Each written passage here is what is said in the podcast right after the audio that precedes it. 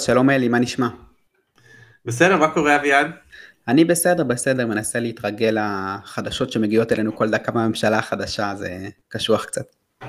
כן, אין רגע אחד uh, של לחץ, זה באמת uh, תקופה מאוד קשה. אני מודה שאני, השמאלני בתוכי, קצת התעצבן השבוע, שברור שאני, ממש ממש חשוב לי השיח הזה, ואני חושב שזה ממש חשוב שגם אנשים שהם לא בדיוק שמאלנים יצאו נגד האמירות הבאמת אה, הזויות לגבי אה, רופאים ומי הם צריכים לטפל ומי הם לא, אבל אה, מה לעשות, אצלי כל הדברים האלה קצת חורה לי שאותם אנשים אחרי זה ממש בעד ההפרטה של הבריאות, הרבה מהם שזה תכלס אפליה מעמדית, אפליה מסוג אחר, אבל שפשוט יהיו אנשים שלא יוכלו לגשת לרופא כי אין להם כסף, אבל מה לעשות, זה, זה הליברליזם, אי אפשר להתעצבן עם כל דבר, ובכל זאת הוא עוד, הרבה יותר עדיף ממה שאנחנו רואים ב...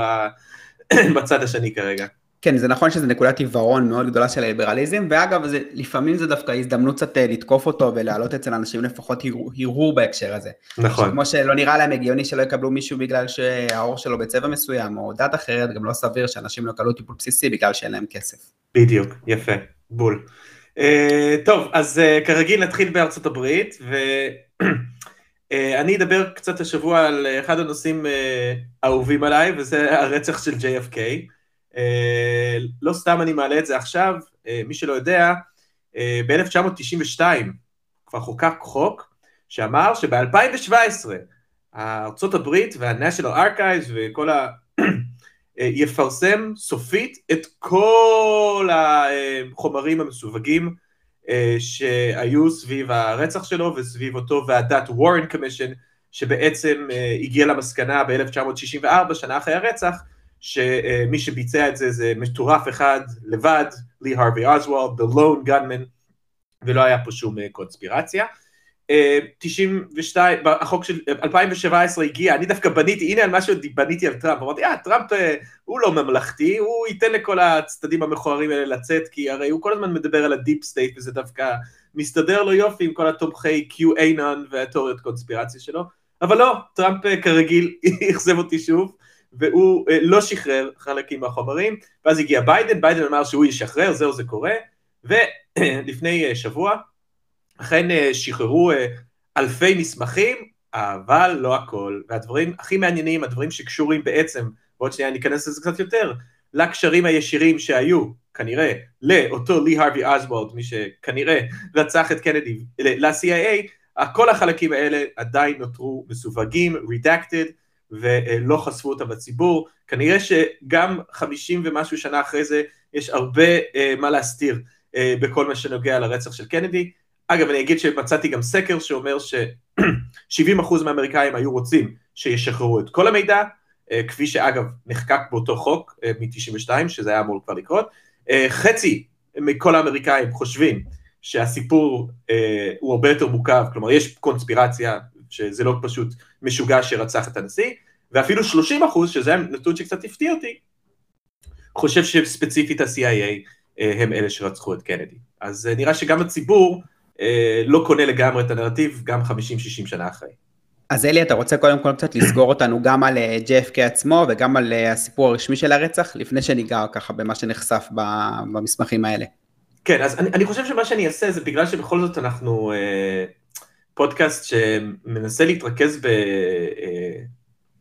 בסוגיות אה, כלכליות חברתיות, אני אנסה, אה, למרות שאני אגיד כבר עכשיו, אני לא בן אדם שמאמינים בתיאוריות קונספירציה, אבל אני בהחלט אה, במקרה הזה אה, מאמין שהסיפור הזה מסריח מפה עד, עד, עד, עד להודעה חדשה.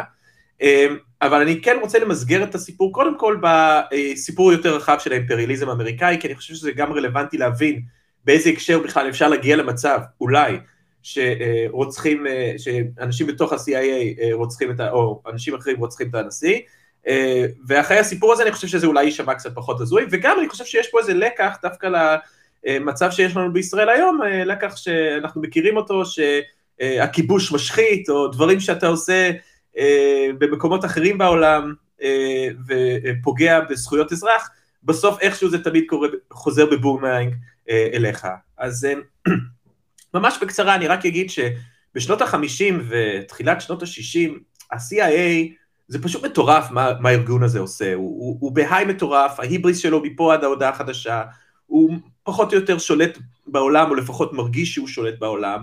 אנחנו כמובן בשיא של המלחמה הקרה, שזה ביטוי קצת מטעה, כל הקטע הזה של לקרוא לזה מלחמה קרה, זה גם מטעה מכל מיני סיבות שאני לא אכנס אליהן עכשיו, אני חושב שאחד הדברים שהנרטיב הזה עושה, זה שהוא מרכך את האגרסיביות המטורפת שהיה למשטר האמריקאי, אה, להפיל בעצם בכל העולם כל אה, אה, ממשל שבעצם מנוגד לעקרונות של, ה, או, של, של הקפיטליזם האמריקאי, או יותר חשוב, מנוגד לאינטרסים של תאגידי, התאגידים האמריקאים. ובאמת אנחנו נמצאים בשיא של תקופת ההון שלטון, ו, ולא רק אני אומר את זה, דווייט די אייזנהאואר, הנשיא של ארה"ב, בנאום פרישה שלו ב-1960, שבדרך כלל נשיאים, בטח דווייט די אייזנהאואר, הנאום פרישה זה משהו אפור, זה משהו שזה סתם, אתה אומר כמה דברים ממלכתיים ואתה הולך הביתה, והוא דווקא בחר באותו אה, נאום פרידה אה, אה, להזהיר את הציבור האמריקאי מפני האיום הכי גדול, ככה הוא קרא לזה, מפני הדמוקרטיה האמריקאית, וזה ה-Military Industrial Complex,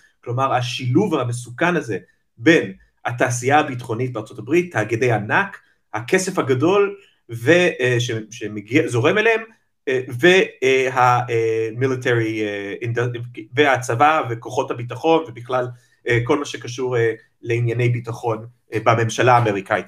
החיבור הזה בין הון שלטון, אייזנהאואר רואה בזה סכנה והוא ממש נביא במובן הזה, אם אני מסתכל על זה בהקשר של איך שאני קורא את הרצח של קנן, אני חושב שהוא ממש ניבא משהו. רק לתת כמה סיפורים, אולי חלקכם מכירים, רק לטעימה, לדברים שה-CIA עושים בתקופה הזאת, אז 1900, אני רוצה להגיד 51, אה, גואטמלה בוחרת בצורה דמוקרטית לחלוטין, אה, נשיא חדש שהוא רוצה לעשות רפורמות על הקרקע, באותה זמן יש חברת פירות אמריקאית ענקית, United Fruit, ששולטת אה, ברוב האדמות בגואטמלה, מגדלת שם בננות, והעובדים שם עובדים בבאמת תנאים מזעזעים, במשכורת גרועות, ובעצם נבחר נשיא שבא פחות או יותר, אה, לא, לא, לא בדיוק להלאים את הקרקע, אבל אפשר להגיד להלאים ואז לחלק לאזרחים, כלומר לעשות מה שנקרא land reform, זה דבר שהוא מאוד פופולרי בתהליכים של דה-קולוניזציה, אנחנו רואים את זה בכל מיני מקומות, אגב קרה גם בארצות הברית, אה, בדרום ארצות הברית אחרי אה, אה, העבדות,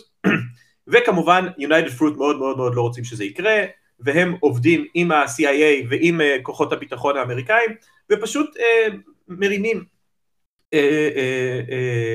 מהפכה שמביא לשלטון דיקטטור, דיקטטור ימני מטורף ומסוכן, שבשנים שלאחר מכן 200 אלף גואטמלים מוצאים את מותם בעקבות המהפכה הזו. אז זה, זה, זה סיפור אחד, יכולתי עוד לספר אלף סיפורים. אני רק אגיד עוד אחד קצר, מי שמכיר את הסיפור של איראן ומוסדק שרצה להלאים את הנפט, אותו דבר שם, ה-CIA מצליח פשוט דרך כל מיני כזה טריקים ושטיקים ולחמש את האנשים הנכון ולשקר לאנשים הנכון, נכנס לתוך המקומות האלה, לרצוח את הבן אדם הנכון, פשוט תחבולות כאלה של ממש כמו בסרטים, אה, מצליח להביא בעצם למהפכה אה, שעולה השעה ואנחנו חיים את ההשלכות האלה עד היום בעצם, ואי אפשר להבין את המהפכה האסלאמית ב-79 באיראן בלי להבין את המהפכה של השעה ב-1953 נדמה לי. אגב, הסיפור על גואטמלה מזכיר את הסיפור דומה על הונדורס, ביותר קרוב לתחילת המאה ה-20, שמזה נולד הביטוי רפובליקת בננות. גם תאגיד בננות מקומי שהשתלט על זה, את האמריקאי, אה, נשיא שביקש להיאבק בזה, והאמריקאים בעצם עוזרים להפיל אותו כדי לחזק את התאגיד, את התאגיד שלהם. לגמרי, ואני מאוד משמח שהזכרת את זה, כי יש נטייה לראות בקולד וור איזשהו משהו חדש, ובעצם כל מה שקורה בקולד וור זה האימפריאליזם האמריקאי שבעצם התחיל בסוף המאה ה-19, אה, ופשוט עכשיו נותנים לו טוויסט חדש, כי עכשיו כשאתה בא לכבוש אה, אותו אה, מדינה, או, או, להשתלט, או, או להחליף את השליט באותה מדינה, שהביאו מנהיג שמאלני שלא מוצא חן בעיניך, אז אתה פשוט צועק קומוניזם, קומוניזם, הסובייטים, הסובייטים, אפקט דומינו, אפקט דומינו, כל הסיסמאות שמלמדים לצערי סטודנטים להיסטוריה עד היום על מה זה מלחמה קרה, וזה הופך להיות בעצם, אה אוקיי, טוב, חייבים לעשות זה, זה, זה המלחמה הקרה הרי.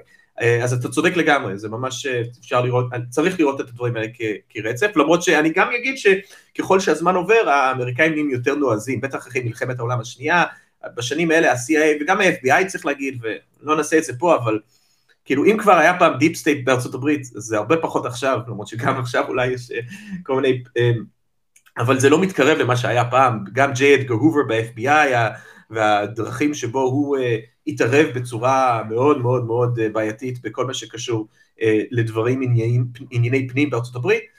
אז בקיצור מה שאני רוצה להגיד בכל הסיפור הזה שכאשר אנחנו מגיעים לקונספירציה הגדולה של קנדי אז, אז צריך להבין את זה בהקשר הזה שאם ה-CIA כבר רגיל וה-Black Ops Operation רגיל אה, אה, לעבוד במחשכה ולעשות מהפכות בלי שאף אחד ממש ידע שהם היו שם, אז, אז אני לא חושב שזה צריך להפתיע אף אחד שבסופו של דבר כשמגיע נשיא שמאיים, ועוד שניה אני אגיד קצת על למה אנשים חושבים שקנדי איים על החלקים האלה של ה-CIA, אז, אז זה לא צריך להפתיע אותנו לגמרי, ש...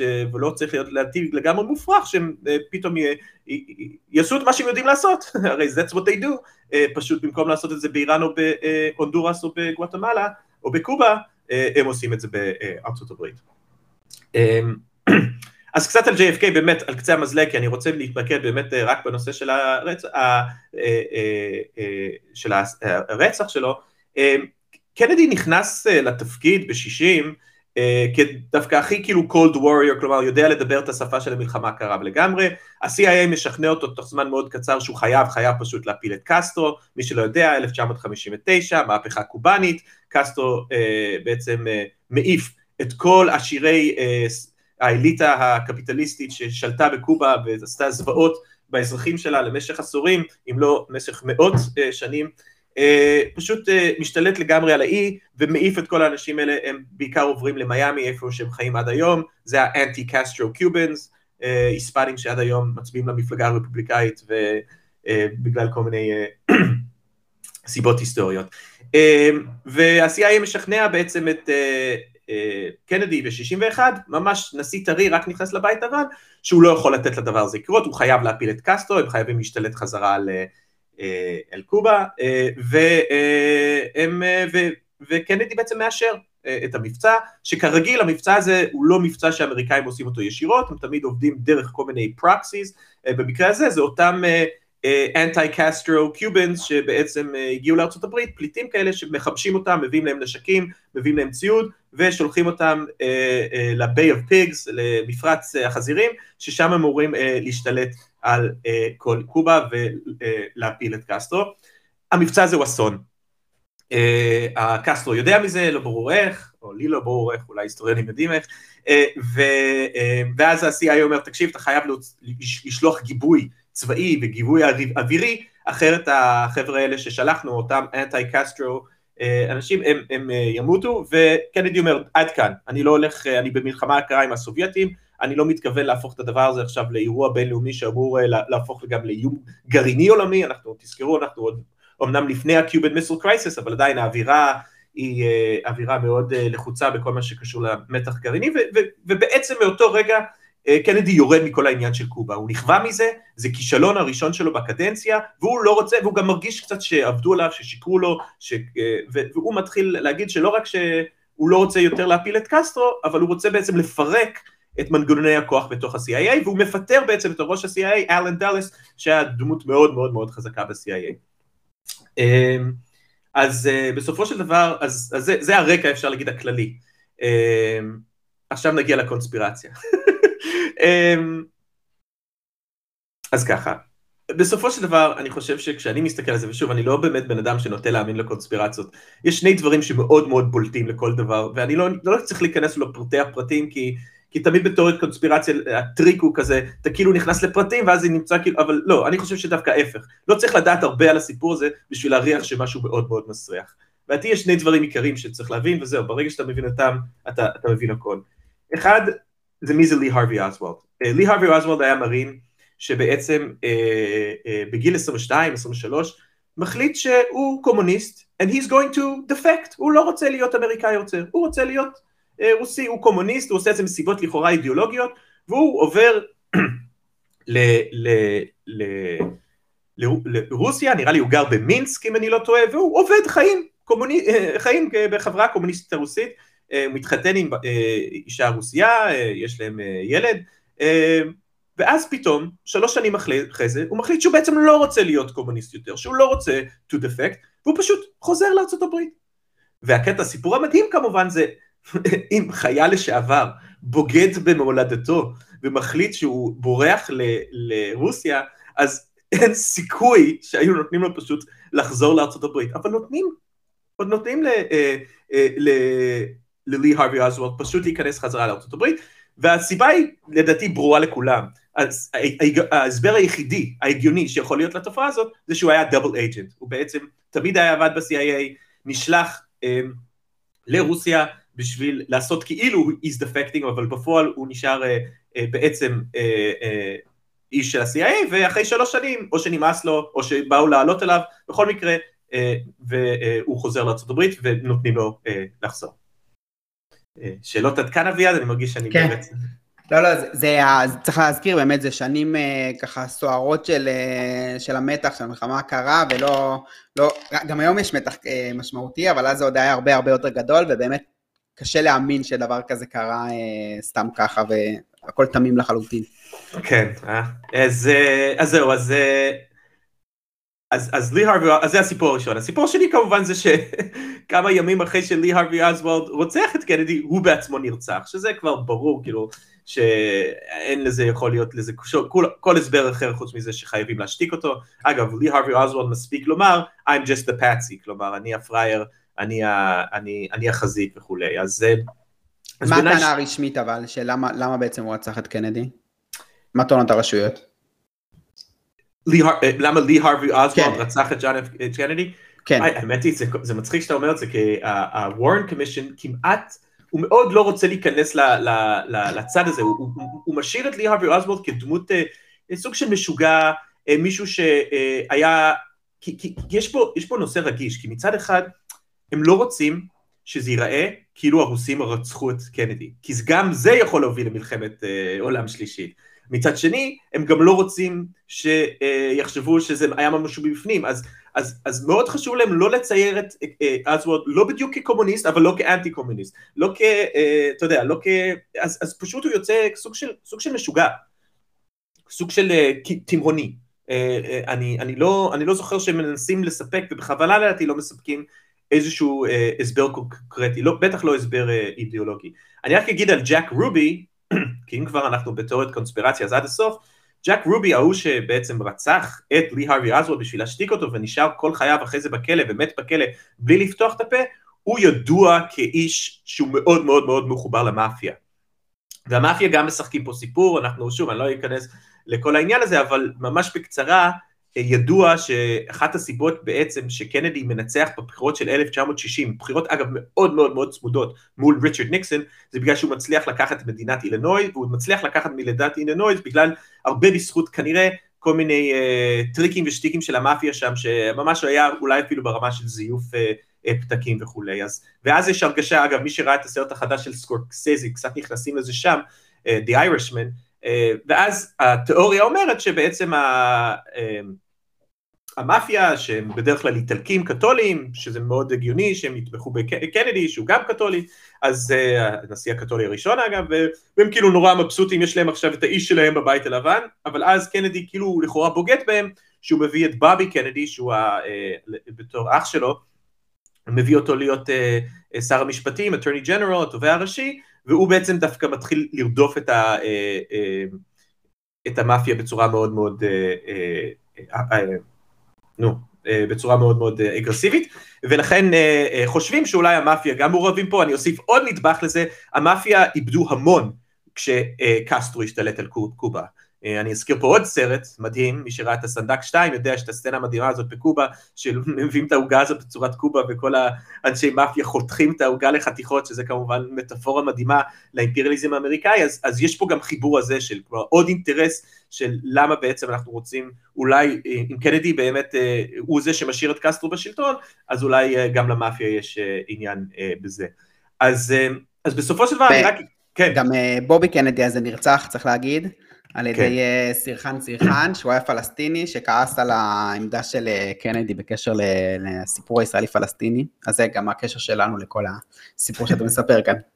כן, שזה בכלל מוזר, כי היית מצפה מכל הישראלים, הציונים וכל האנטי פלסטינאים שם בחוץ, אה, להדגיש נורא את הסיפור הזה שבאבי קנדי נרצח, אבל זה סיפור שדווקא לא עולה, אולי כי הסירחן סירחן הזה הוא באמת היה משוגע, הוא באמת, כלומר הנה, אני אני שם אני לא חושב שהיה שום קונספירציה, שם אני כן חושב שזה היה לון גנמן, אני גם חושב שהוא היה משוגע, כלומר הבן אדם הזה לא ממש יודע איפה הוא, איך קוראים לו אפילו, הבנתי, היום בכלא, אז, אבל זה מעניין איך סיפור, נכון, אני מרגיש שכאילו לא הייתי מצפה ש, שקצת יותר יזכירו כל הזמן שפלסטיני רצח את הגיבור הגדול של הליברליזם האמריקאי של אמצע המאה ה-20?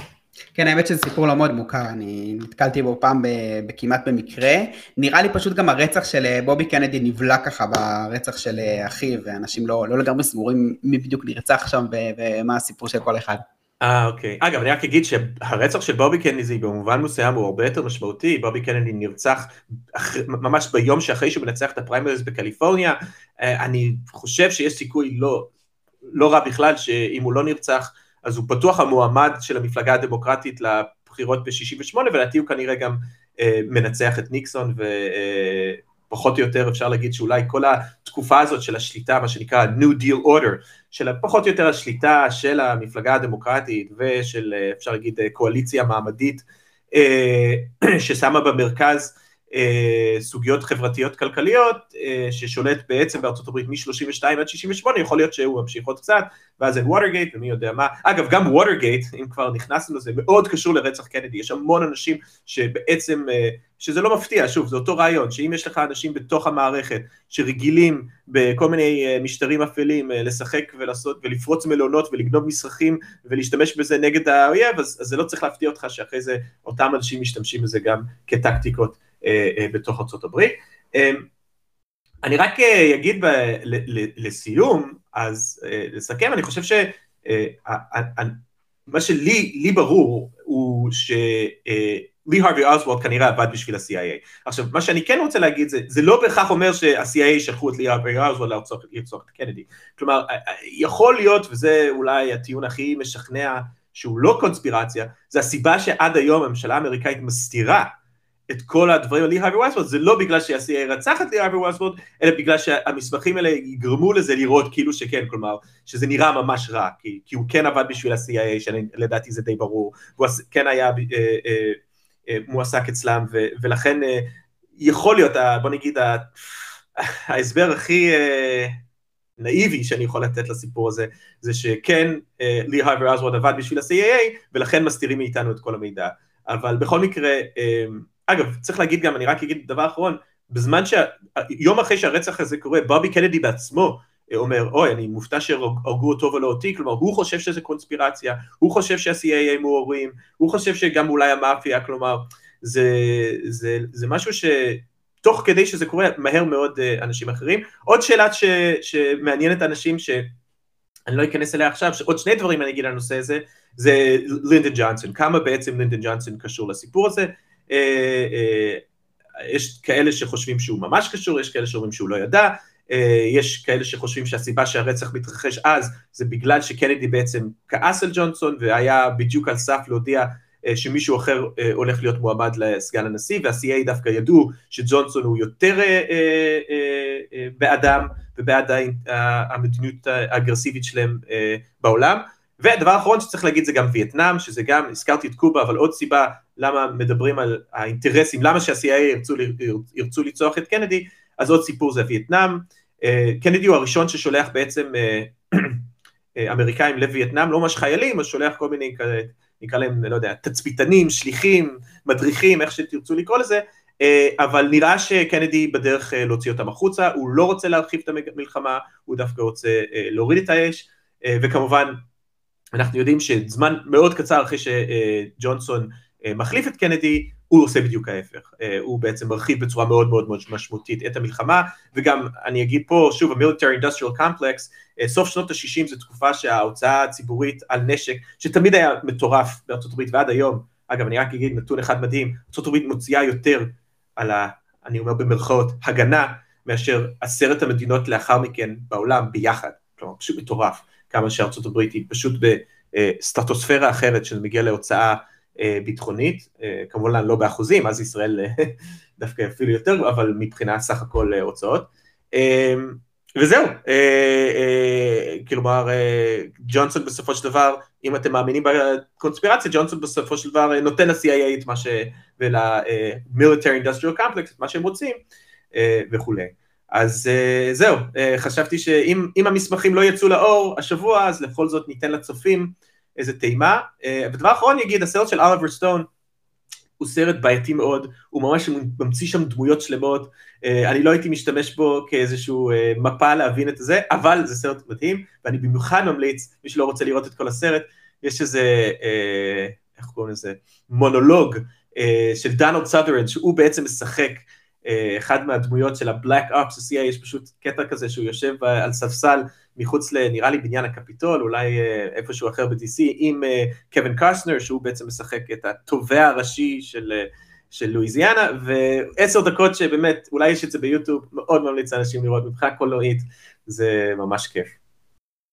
אבל שנייה אלי, אמרת שבכל זאת התפרסמו מסמכים, אז כן. לא היה שום דבר מעניין בהם? כי כל הדברים מעניינים רק במסמכים שלו, שלא פורסמו? מדובר באלפי מסמכים, אז קודם כל אנחנו רק אה, שבוע, שבועיים אחרי שהם יצאו, אבל אני יכול להגיד לך שבגדול החבר'ה, וכמובן שיש אה, תעשייה שלמה של אנשים שחולים על הסיפור הזה, מכורים לסיפור הזה מהרגע הראשון, עדיין, אז אה, הם ישר ככה מתנפלים על המידע הזה, והם, כמה מהם הוציאו הודעות כבר שהם, שהם מאוכזבים, שאין פה משהו יותר מדי חדש, שאין פה איזשהו... אה, משהו שהם פחות ידעו, הרגשה היא שהמסמכים ששחררו הם מסמכים שהם הפחות רגישים ואת הדברים הבאמת מעניינים, שוב על הקשר של לי הרווי אוסוולד עם, אה, עם ה-CIA אה, נותר מחוץ לעין של הציבור. הבנתי, מעניין מאוד, מעניין. האמת שזה גם, זה קטע שבכל מקרה רצח של ככה פוליטיקאי בכיר, אז מיד צצות תיאוריות קונספירציה, לפעמים יותר מבוססות, לפעמים פחות מבוססות, אנחנו מכירים את זה גם בישראל, הברית אני מכיר את זה מכל מקרה רצח של נשיא שהיה שם ודמות בכירה, אבל זה גם תופעה אנושית מעניינת. נכון, אני, אני רק רוצה כן גם להגיד בהקשר הזה שזו תקופה של המון המון אלימות כלפי, או אלימות פוליטית, הרבה רציחות פוליטיות, חוץ מהרצח הזה אני, לא, אני לא, לא חושב שאף אחד מהאחרים הוא, uh, טוב, חוץ ממלקום אקס, אבל לא ניכנס לזה פה, זה בטוח ה-FBI הרגו אותו, אבל uh, חוץ מזה אני באמת לא חושב שכאילו, שוב, אני, לא רוצה, אני רוצה ש... אני פשוט, אני, זה נושא רגיש אצלי, כי תמיד אני מלמד, מלמד את הדבר הזה בכיתה, ואז אני ממשיך ואני מלמד את קנדי, ואני אספר להם על אה, כמה שהוא השקיע ב-space race ובהשקעה בנחיתת ירח, ואז אומרים, אבל אלי, לא היה את נחיתת הירח, כאילו, אני אומר, רגע, ואז אני מבין כמה זה מסוכן פתאום, אה, אתה יודע, אפילו להיכנס לדיונים האלה על קונספירציות, כי אני באמת 90% מהקונספירציות, כאילו, ברור לי למה זה קורה, זה איזשהו חוסר אמון במערכת, ואנשים מחפשים משמעות בעולם שבו uh, הדמוקרטיה לא מתפקדת והם מרגישים they've been disempowered, אבל uh, באמת, חוץ מהרצח של קנדי, אני לא חושב שבסביב רציחות אחרות, גם לא רצח רבין כמובן, למרות שהיו שם כמה דברים מאוד מוזרים, איך קראו לבחור הזה שכאילו חדר לתוך ה... אבישי רביב? כן. סיפור מוזר. איזה סיפור מוזר זה. Uh, כן, יש סיפורים מוזרים סביב הרצח של רבין, אני חושב תראה, אני לא, לא, זה לא, לא התחום שלי, אני לא בקיא בו לעומק, אני חושב אבל שכמו שהצגת את זה גם במקרה של, של קנדי, יש כאילו, בטוח יש כאן רשלנות שיותר גדולה ממה שאנחנו מכירים, ו, ובדברים האלה תמיד קשה לדעת אם זה רשלנות או שזה דברים מכוונים, כאילו אני חושב שזה הפתח להרבה מהתיאוריות קונספירציה. נכון, נכון. Sometimes people are just stupid, יפה. טוב, יפה, אז uh, דיברנו קצת על קנדי, דיברנו על ה-Military Industrial Complex, שאגב עדיין טריליון דולר בשנה, אביעד. זה פחות, אנחנו מתקרבים לטריליון דולר שנה, זה מה הברית מוציאה אה, על אה, תקציב הביטחון שלה, אנחנו נראה לי ב-900 אה, מיליארד. אז אה, הסיפור הזה לא בדיוק השתנה אה, ב-50-60 שנה האחרונה. כן, ראיתי שציוץ של רוברט רייך, שהוא כתב אה, מה, בכמה הגדילו את תקציב הביטחון השנה, לעומת כמה שיעלה ככה תקציבים חברתיים שלא העבירו, והוא אמר, איך על זה אף פעם הרפובליקאים לא מתלוננים, שזה הרחבת ההוצאה הממשלתית, ושזה לא בסדר, וזה תמיד עובר ככה בשלום בין שתי המפלגות. אגב, זה כמובן נכון גם לישראל, אף פעם לא... העלאה של תקציב הביטחון תמיד מתקבל בשקט אה, על ידי כל אה, קצות המערכת הפוליטית. כן, אני אגיד דבר אחרון לגבי זה, מעניין אותי מה אתה חושב. אני גם מרגיש שבקרב השמאל יש איזו רתיעה לבקר את העניין הזה של התקציב הביטחוני, כי הרבה פעמים הדיון הוא לא על התקציב הביטחוני, אלא על פנסיות ומשכורות של עובדים. אתה, אתה גם מזהה מגמה כזו, כלומר, בדרך כלל כשמישהו, לא יודע, מבקר את התקציב הביטחון, הוא אומר, אנחנו לא צריכים את כל המטוסי F-16 האלה וכולי, אלא הפנסיה התקציבית של גנרלים וכולי, נכון? ואז אני יכול להבין למה אנשים בשמאל קצת נרתעים מהנרטיב הזה, כי זה... אה, עלול אה, להיות מדרון חלקלק. אה, לגמרי, זה נכון מאוד, וגם באופן כללי אני חושב שאנשי שמאל יש להם נטייה שהיא מוצדקת בעיניי, לא, לא להצטרף לכל מתקפה על אה, הוצאה ממשלתית, וגם כן צריך להיות הוגנים בהקשר הזה ולהגיד שכשמסתכלים לאורך זמן, אז בעשורים האחרונים יש ירידה בסך ההוצאה של ישראל על, ביט, על ביטחון כאחוז מהתוצר, אז למרות שהתקציב כן עולה ועולה כל הזמן, עדיין אם מסתכלים על זה ביחס לתוצר, אז אה, יש מגמה של ירידה. כן, מה זה, חמישה אחוז בערך היום? משהו כזה, כן, זה ירד לדעתי משישה. אה, פשוט צריך להיות, אה, האמת שזו נקודה מאוד מעניינת, אה, לא יודע, עצובה במידה מסוימת, שפשוט הסכסוך הישראלי הפלסטיני הוא יחסית סכסוך זול ביחס לסכסוכים עם צבאות סדירים ככה, ש, שישראל ניהלה בשנים, אתה יודע, מלחמת ששת הימים ויום כיפור וכאלה, שבאמת הקריסו את הכלכלה של המדינה, אז בהקשר הזה הסכסוך הפלסטיני עולה לישראל הרבה פחות כסף. באופן ישיר כן. לפחות. כן, זה מתחבר uh, לדיון שלנו שבוע שעבר על, על ניהול הכיבוש, שזה חלק uh, מאוד משמעותי ממנו כמובן, היכולת uh, להשאיר את זה במחירים נמוכים. טוב, אביעד, עלה בידו אז זהו, בשעה שבה אנחנו מדברים מתפרסמים הסכמים קואליציוניים שנתניהו חתם עם השותפות שלו. אמ, קראתי כמה הסכמים קואליציוניים בחיים, ובטח בהשוואה לממשלה הקודמת, אבל גם לממשלות לפניה, אלה סעיפים ארוכים ומפורטים בצורה שאני לא זוכר. זאת אומרת, ממש עשרות ומאות סעיפים לכל מפלגה, יורדים לרזולוציה מאוד מאוד נמוכה של, של פרטים, ומה יקרה אם זה כן יעבור, ומה יקרה אם זה לא יעבור, ומתי בדיוק מעבירים את זה, ומי יהיה אחראי על זה, וככה ממש רמות פירוט מאוד גבוהות, וזה מראה פשוט על חוסר האמון המאוד מאוד גבוה של המפלגות מימין כלפי נתניהו. נתניהו, אה, אפשר להגיד עליו הרבה דברים, אבל כאדם שמקיים את המילה שלו הוא לא ידוע. אה, שר האוצר המיועד אמר שהוא אה, שקרן בן שקרן, אז אני רק אצטט אותו, ופשוט לא מאמינים לנתניהו שהוא ממש את הדברים שהוא אומר, ולכן דואגים לנסות לשריין כמה שיותר דברים בהסכמים קואליציוניים. Uh, עכשיו אני אגיד שאני קורא את זה, ולמרות כמה נקודות אור ודברים כן מעניינים שיש שם, זה די קטסטרופה, זאת חוויה די קשה לקרוא את ההסכמים האלה. Uh, אני בטוח שלא הכל יהיה מומש, כדי לממש את כל הדברים שכתובים שם צריך uh, ארבע ממשלות, ולא לא תספיק אפילו ממשלה אחת, אבל הכיוון הכללי שהן מסמנות הוא כיוון רע מאוד. אפשר, לפני זה אפשר לשאול אותך שאלה על ההסכמים הקואליציוניים? כלומר, מה המשמעות של ההסכם הזה? כלומר, זה, אתה אומר שבסופו של דבר לא הכל מתבצע, אז, אז למה כזה חשוב להם שזה יהיה כתוב? כלומר, אין, אין לזה שום אה, כוח משפטי להסכמים האלה? כלומר, זה בסופו של דבר... אין לזה שום כוח משפטי כבר, קרה שהלכו איתם לבתי המשפט, ובית המשפט פסק שזה אין לזה, שזה לא איזו התחייבות אה, של אמון ואין כאן שום היבט משפטי ואי אפשר לחייב את הממשלה לעשות משהו על פי ההסכמים הקואליציוניים. אמ, ואנחנו גם יודעים באמת מהניסיון ההיסטורי שאפילו רוב מה שכתוב בהסכמים הקואליציוניים לא מתממש, זה ככה מהניסיון שלנו. אמ, אבל א', קשה לדעת מה יקרה בממשלה הזאת, זו הממשלה הכי הומוגנית מבחינות מסוימות שהייתה כאן מאז שאני זוכר את עצמי, אה, וגם כן הם, בגלל הניסיון המר שלהם מימוש הסכמים קואליציוניים, הם, הם ניסו לפחות לשריין כאן כל מיני דרכים שלפחות הדברים המרכזיים בהסכמים ימומשו. לדוגמה, אה, אחת ההתחייבויות המרכזיות של חברות בקואליציה זה לתמוך בתקציב. התקציב בעצם זה כלי העבודה המרכזי של הממשלה, הוא מבטא את סדר העדיפויות שלה, ולפי החוק בישראל, אם הוא לא עובר, הממשלה נופלת. ולכן המתח... חברות הקואליציה מתחייבות לתמוך בתקציב שעבר בממשלה. ובסעיפים המרכזיים של ההסכמים הקואליציוניים כתוב שהם בעצם לא יתמכו בתקציב אם החוקים האלה לא יעברו, זאת אומרת החוקים האלה יוצמדו לתקציב בחוק ההסדרים או בדרך אחרת, אז, אז זה כן כלי מסוים שיש להם לבדוק את מימוש ההסכמים הקואליציוניים. עוד פעם, אני מעריך שגם כאן אה, לפחות חלק גדול לא יהיה מומש, אבל אפילו אם חלק קטן או מחצית מההסכמים, מההסכמים האלה ימומשו, זה עלול להיות אה, בשורה רעה מאוד לאזרחי ישראל. כן, אוקיי, תודה. אז אה, חרדים. כן, אז שמע, אני חושב שהסיפור של החברה החרדית זה אתגר בהרבה מובנים, אולי הכי גדול שיש למדינת ישראל, בטח בהקשר הכלכלי-חברתי, וגם בהקשר הסוציאל דמוקרטי הוא אתגר משמעותי, ואני אסביר למה. אה, כמעט בכל מדינה שאנחנו מכירים יש איזשהו מיעוט או מיעוטים שהם פחות משתלבים בתעסוקה, שהם פחות משתלבים בחברה, שהם יותר עניים ובהתאם גם יותר מקבלים קצבאות, פחות אה, משתתפים ככה בשוק התעסוקה ומשלמים מיסים, זה, זה קיים בכל מדינה ברמות אחרות ומשתנות, אבל זה אתגר שאנחנו מכירים.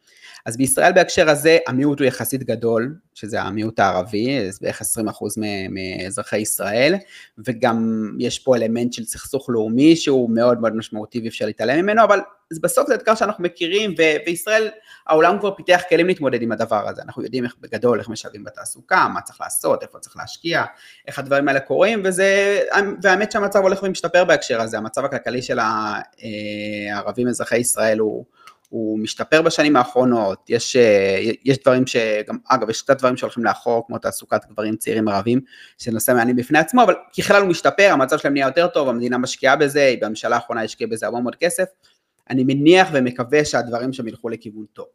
אבל האתגר של הציבור החרדי הוא כן אתגר שהוא שונה בהרבה מובנים מאתגרים שמתמודדים את המדינות האחרות, והוא בהחלט uh, מאתגר את כל המערכת וכל הרעיון של מדינת הרווחה. כי אמנם הציבור החרדי הוא יותר קטן מהציבור הערבי, הוא בערך מחצית ממנו, באזור העשרה אחוזים, ולכן ממילא ציבור שהוא יותר קטן הוא פחות, uh, ההשפעה שלו פחות משמעותי, אבל קודם כל הגידול שלו הוא אסטרונומי, בגלל שהילודה בחברה החרדית היא מאוד מאוד גבוהה, פעם זה היה ככה אגב גם בחברה החרדית, אבל בעשור שניים האחרונים זה ירד דרמטית, אז בגלל שהילודה מאוד גבוהה, השיעור שלו כחלק מהחברה הישראלית הוא מאוד גדול, אז זה, זה אלמנט אחד, אבל האלמנט היותר משמעותי זה שבעצם בחברה החרדית יש אה, רצון לא להשתלב, רצון לא ללמוד אה, לימודי ליבה ורצון של גברים לפחות לא לעבוד, וזה משהו שהוא יחסית נדיר. אה, אפשר לשאול אותך, אה, אמרת רק על הגידול הדמוגרפי, קודם כל עשרה אחוז, אתה יודע, זה, זה הרבה, אבל אה, לפעמים בדרך שבו מדברים על התקשורת היית חושב שהם כבר 30-40 אחוז. אז רציתי לשאול אותך, נגיד לפני 20 שנה, מה הם יהיו? חמישה אחוז? זה משהו שמשכפל את עצמו? אם אין לך מספרים זה בסדר, אני רק מנסה להבין סדר גודל, או נגיד, אתה יכול להגיד לי עוד 20 שנה באיזה אחוז הם יהיו לפי המודלים, או שאתה לא יודע בדיוק? כן, שמע, זו שאלה אה, מעניינת מאוד. אה, בעצם כמה יגדל הציבור החרדי. אז קודם כל אני אתייחס לדבר הראשון שאמרת, זה נכון שהתקשורת קצת מגזימה לדעתי בחלק מההתייחסות לסיפור החרדי והיא מגזימה בהשפעה שלו. אני אתן לך דוגמה, מדברים על זה שבערך מחצית מהגברים החרדים לא עובדים. עכשיו נעשה שיעור, אה, אה, אתה יודע, מספרים פשוטים, מחצית מהחברה החרדית זה נשים, ירדנו כבר לחמישה אחוזים. החברה החרדית היא חברה מאוד uh, צעירה, אז יותר ממחצית, אז בערך מחצית ממנה הם uh, מתחת לגיל 18, בסדר? ירדנו ל-2.5 אחוזים, חצי מהם לא עובדים. זה אחוז ושלושת רבעי מה, מהחברה בישראל, זה כלום, בסדר? ההשפעה של זה כיום, של אברכים חרדים שלא עובדים, היא מאוד מאוד מאוד נמוכה, זה לא באמת uh, uh, משהו דרמטי. אבל כן העלייה מאוד גבוהה, לפני, uh, לדעת, אני זוכר שהסתכלתי לפני עשור הם היו משהו באזור ה-7-8 אחוזים, אה, לגבי התחזיות הדמוגרפיות, אז בעצם התחזית שכולם אוהבים לצטט זה שעד 2065 אה, הם יהיו שליש מה, מהאוכלוסייה בישראל. אבל לגבי זה צריך להגיד כמה דברים. אני לא דמוגרף, אבל גם אה, קראתי כמה דברים וגם שאלתי בנושא הזה דמוגרפים שמומחים לנושא הדמוגרפיה וגם לישראל, וכולם אומרים שזה אין דבר כזה תחזיות דמוגרפיות ל-40 שנה. זה חסר ערך, אף אחד לא עושה תחזיות דמוגרפיות כל כך ארוכות, הדמוגרפיה זה תחום מאוד מאוד רגיש, דברים יכולים להשתנות מאוד מהר, וזה פשוט, אה, אין ערך אמיתי לתחזיות דמוגרפיות לכל כך הרבה זמן. זה דבר ראשון. רגע, ש... אפשר לשאול על, התחזיות? יש בעצם שני שאלות עיקריות, מה יהיה, אה, כאילו, שאלה של יעילות, כלומר, אה, birth rate, איך אומרים בעברית? אה, אה, פריון.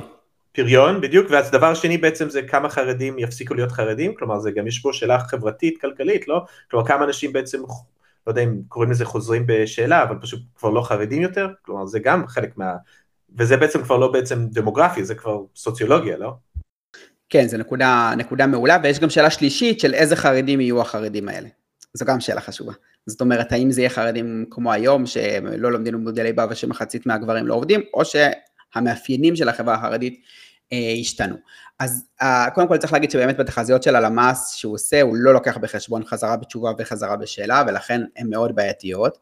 אה, עשו כמה מחקרים בישראל על חזרה בתשובה וחזרה בשאלה, ובעצם מחקר שאני מכיר של מרכז טאו, הוא הראה שיש בעצם, אם לוקחים בחשבון גם, גם חזרה בתשובה וגם חזרה בשאלה, או האמת שהמונח חזרה בשאלה לא נכון, אנשים שעוזבים את החרדיות ואנשים שמצטרפים לחרדיות, אז יש מינוס 15 אחוז, בעצם צריך להוריד מכל התחזיות משהו באזור ה-15 אחוז, ולכן לפי התחזיות האלה החרדים לא, יהיו, אה, לא יגיעו לשיעורים שמדברים עליהם הכל כך גבוהים, אבל הם עדיין יהיו משמעותיים, זאת אומרת הם כן באזור 2050 יגיעו לאזור ה-20 אה, אחוזים מה, מהחברה בישראל, זה כן יהיה שיעורים משמעותיים, אבל פחות ממה שאומרים.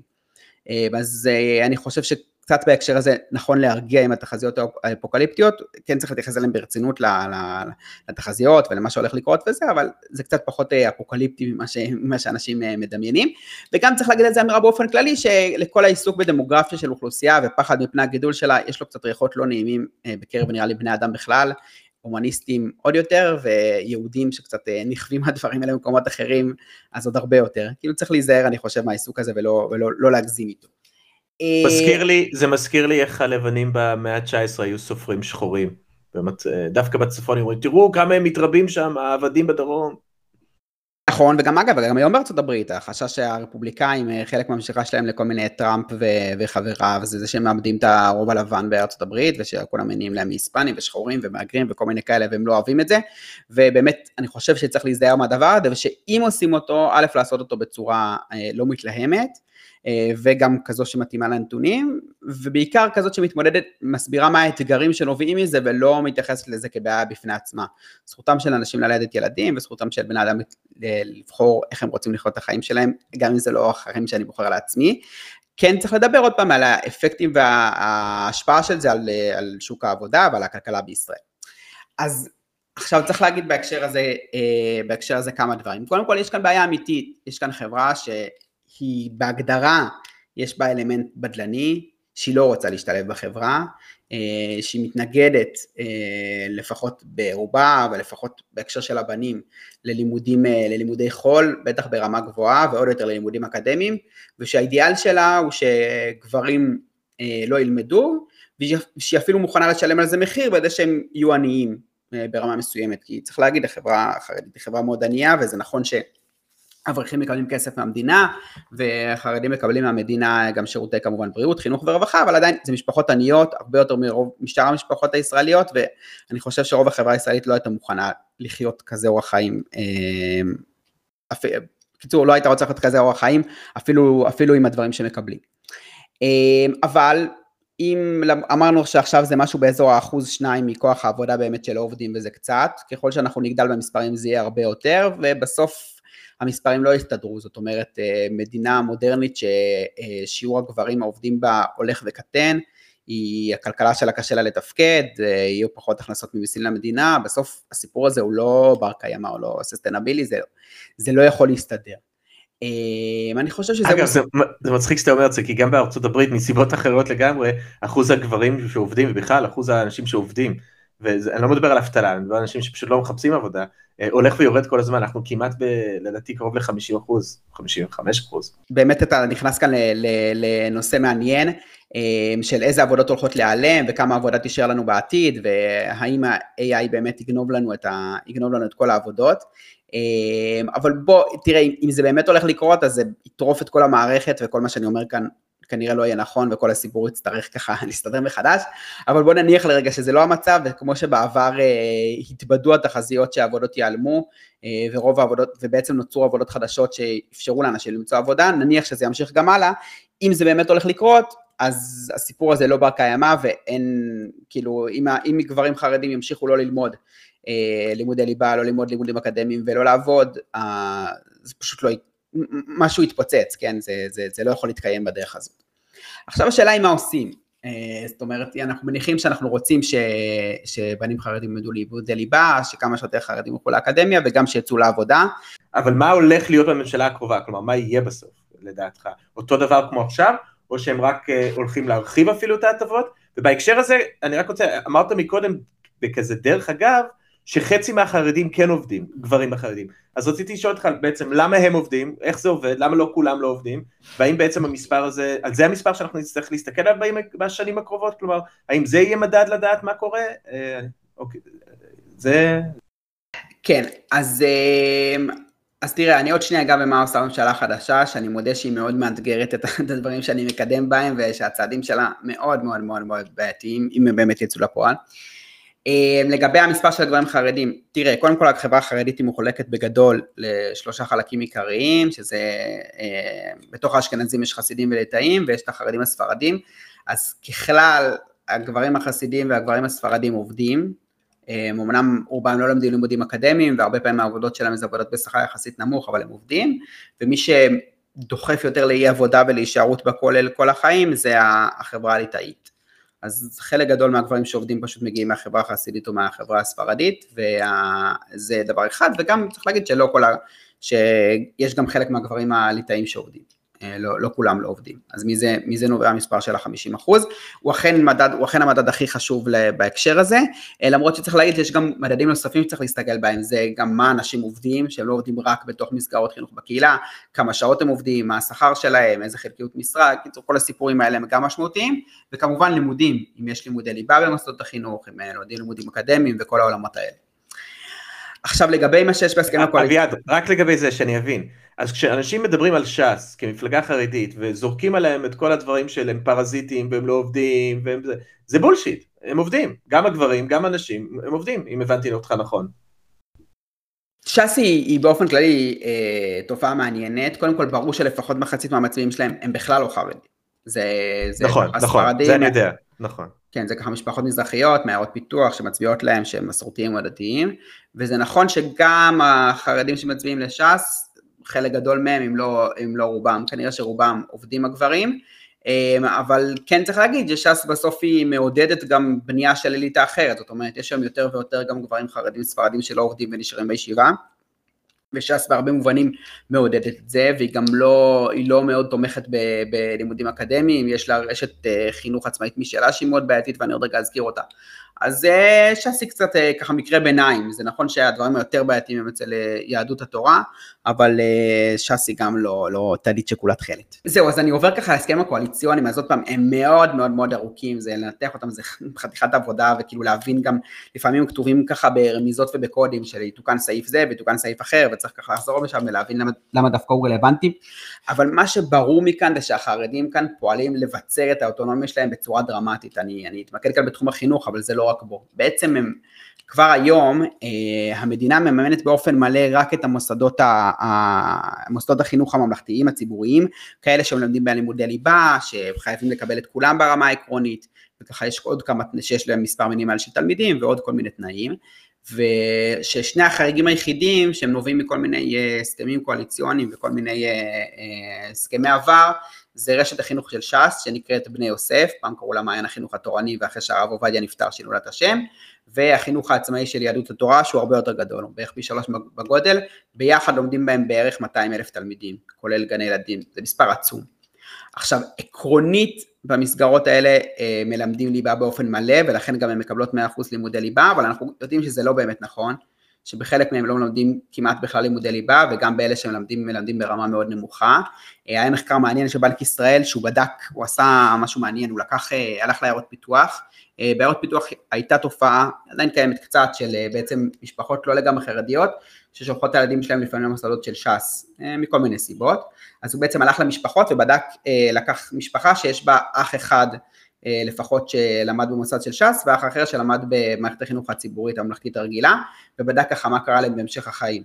הוא עושה את זה גם לבנים וגם לבנות, והוא גילה, אצל הבנות הוא כמעט לא מצא הבדלים, אצל הבנים הוא מצא שגברים, ש, שבנים שהלכו ללמוד במערכת החינוך של ש"ס, אז הם גם נשרו בשיעורים הרבה יותר גבוהים מהבית ספר, למדו הרבה פחות בלימודים אקדמיים, שיעורי התעסוקה שלהם יותר נמוכים, השכר שלהם יותר נמוך. אה, בקיצור, הרמה שם יחסית נמוכה ברשתות האלה, אה, ואגב, בחינוך העצמאי של יהדות התורה זה אפילו עוד יותר גרוע. אה, הרמה שם אפילו עוד יותר נמוכה, אה, וזה בנוסף לזה שזה לא באמת מוסדות ציבוריים, הם אה, מסננים תלמידים, הם לא מקבלים אותם על רקע של מוצא, ועל כל דבר שנראה להם, הם עושים שם, זה רשתות פוליטיות לגמרי שהמפלגות שולטות בהם באופן מוחלט, הם יכולים להם שם תלמידים על, בעצם על מה שהם רוצים, כן, אפילו מישהי שהיא פעילה בהקשר הזה של פגיעות מיניות, אז איימו עליה שהוציאו את הילדים שלהם בבית ספר, זה פשוט לא חינוך ציבורי ולא חינוך ממלכתי, אלא חינוך שהוא למעשה פרטי למרות שהוא ממומן ב-100% על ידי המדינה והוא מתנהל אבל כמו מין אוטונומיה משלו, אז כבר היום הפיקוח עליו מאוד נמוך, ואנחנו יודעים שיש שם חריגות גם כספיות מאוד משמעותיות, המנהלי מוסדות הם, שהם בעצם הציבור הכי חזק בחברה החרדית, הם קבוצה הכי חזקה, מקבלים הרבה מאוד כסף, הרבה פעמים לא מעבירים את כל הסכום שמגיע למורים, לפעמים גם לא משלמים להם בחופש וכל מיני דברים כאלה. אז יש שם הרבה סיפורים של באמת אה, שחיתויות ועושק, וגם לפעמים יש בתי ספר שנפתחים עם מספר מאוד נמוך של תלמידים, למרות שזה לא אמור להיות ככה, שלפעמים יש אה, עשרה ועשרים תלמידים בכיתה, וככה פותחים בית ספר, ואין על זה מספיק פיקוח ובקרה. אה, אז הדברים האלה כבר קורים היום, אבל היום עוד איכשהו יש פיקוח, ובעיקרון יש למשרד החינוך סנקציות שיכול להטיל על מוסדות חרדיים, ובעצם מה שש"ס ועדות התורה רוצות לעשות זה שיהיה להם אוטונומיה מוחלטת. בעצם יוציאו את המסגרות האלה ממשרד החינוך, מהפיקוח, מהפיקוח הרגיל של משרד החינוך, שהוא מחולק לפי מחוזות, וייתנו להם אוטונומיה שלהם, של החינוך העצמאי בש"ס, והן רוצות אפילו למנות שהם ימנו את המפקחים, זאת אומרת שהמפקחים יהיו מועסקים שלהם, יהיו מפקחים של אה, בני יוסף ושל החינוך העצמאי, שהם יעשו את הפיקוח, הם רוצים לקחת ממשרד החינוך את האפשרות להטיל סנקציות על המוסדות האלה, וזה ככה בהקשר שלהם. בנוסף בתחום החינוך הם רוצים להגדיל משמעותית את התקציבים שניתנים למסגרות שהם לא בתוך הרשתות האלה, כי גם בתוך החברה החרדית יש מוסדות אחרים שהם אה, נקראים מוכר שאינו רשמי שהם לא במסגרות האלה, הם מה שנקרא חצי פטריות, ויש מסגרות פרטיות לגמרי שבהם בכלל לא מלמדים לימודי ליבה, אבל גם בהם המדינה מממנת בערך חצי מה, מהתקציב ציבורי, והם רוצים להגדיל משמעותית את התקציב שלהם, בעלות של מיליארדים למדינה, אה, זה גם עלות מאוד כבדה וזה גם עוד תמריץ ועידוד לתלמידים למדוד, למדוד לא במסגרות ממלכתיות ובמסגרות כאלה שלא מלמדות לימודי ליבה. חוץ מהבעיה של זה לציבור החרדי, עצם זה שעושים את זה, זה כמובן יגדיל את הפריסה של מוסדות כאלה גם בציבור הדתי ובציבור החילוני.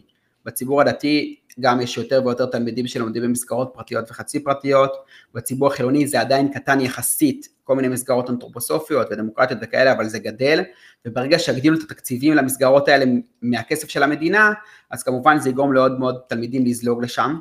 עכשיו צריך להגיד שזה באמת כמו, אתה יודע, זה קצת כמו שיטת השוברים, שזה הפנטזיה הליברטריאנית, רק צורה הכי הכי הכי גרועה שזה יכולה להיות, זאת אומרת גם במקומות שיש בהם שיטת שוברים, בדרך כלל בתי ספר אסור להם לסנן תלמידים, הם מחויבים לקבל את כולם, יש להם מחויבות לתוכנית לימודים מסוימת, יש להם פיקוח, יש ככה כל מיני דברים כאלה, וכאן בעצם זה באמת אה, ג'ונגל, כל אחד עושה מה שהוא רוצה, זה בתי ספר שלא מחויבים כמעט לכלום, שיש עליהם אפס פיקוח, שמסננים תלמידים באופן חופשי, שמותר להם אפילו לסנן תלמידים, אה, שלא גובים מההורים כמה כסף שהם רוצים בנוסף לתקציב של המדינה, באמת, זה כאילו פשוט הזיה, זה הכסף של המדינה שהולך למוסדות לימוד שלא עומדות בשום קריטריון והיבט ציבורי אפילו אחד, ולצערי זה גם קטסטרופה בפני עצמה בחברה החרדית, אבל אם יעשו את זה, זה גם יגרום לגידול משמעותי אה, של המסגרות האלה בחברה הדתית וה, וה, והחילונית, ולפשוט קריסה של החינוך הציבורי, באמת, זה, אין לי מילה אחרת, זה פשוט הרס מוחלט של החינוך הציבורי.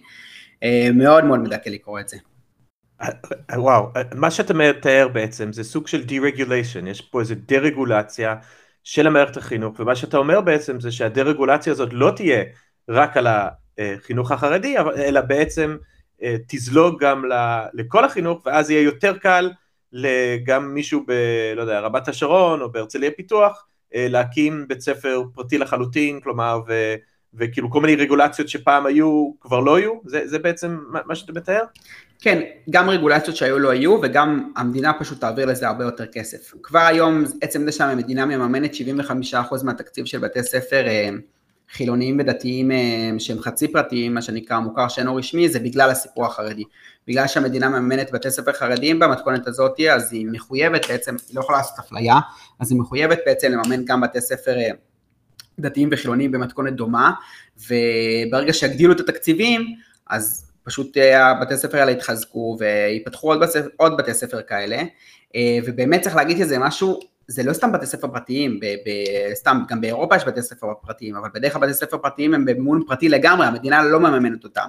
ובמקומות שיש בהם שיטת שוברים, שהמדינה כן מממנת, זה קצת מקומות, אבל יש מקומות כאלה, אז הבתי ספר מחויבים להרבה דברים, מחויבים לקבל את כולם, אסור להם לגבות עוד, עוד אה, כסף מההורים, הם חייבים בתוכנית לימודים מסוימת, כאן זה כאילו, הדבר הכי הזיה זה בתי ספר פרטיים, שהמדינה מממנת אותם בצורה מאוד מאוד דרמטית, הרוב המוחלט של התקציב שלהם, הן יכולות לסנן את מי שהם רוצים, הן לא מחויבות לתוכנית לימודים מסוימת, הן יכולות לגבות עוד כסף מההורים, זה פשוט הגרוע מכל העולמות.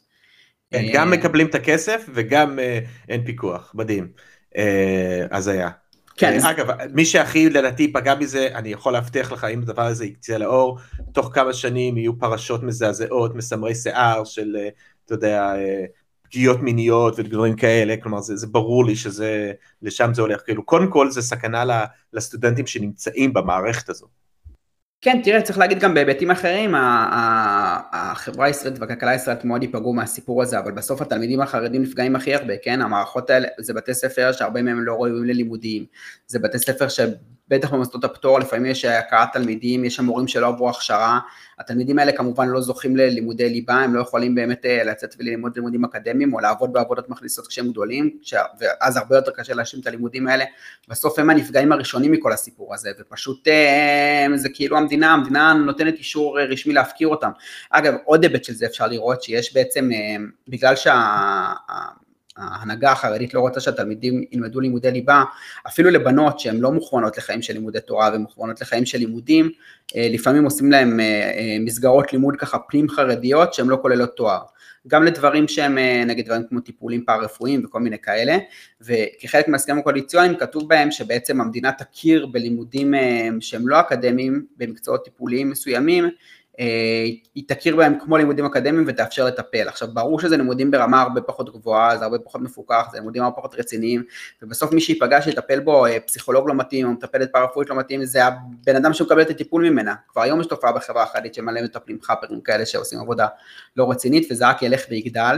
ובסוף אה, תראה, המדינה לא יכולה לקיים בתוך האוטונומיה של חברה אחרת, זה פשוט הדברים האלה מפוצצים, אנחנו ראינו את זה בצורה מאוד גדולה וחריפה בקורונה, אבל זה לא רק שם, ומה שההסכמים הקואליציוניים האלה עושים זה רק מבצרים את האוטונומיה הזאת עוד יותר, ועל הדרך גם מפרקים את השאריות של הציבוריות והממלכתיות משאר החברה הישראלית.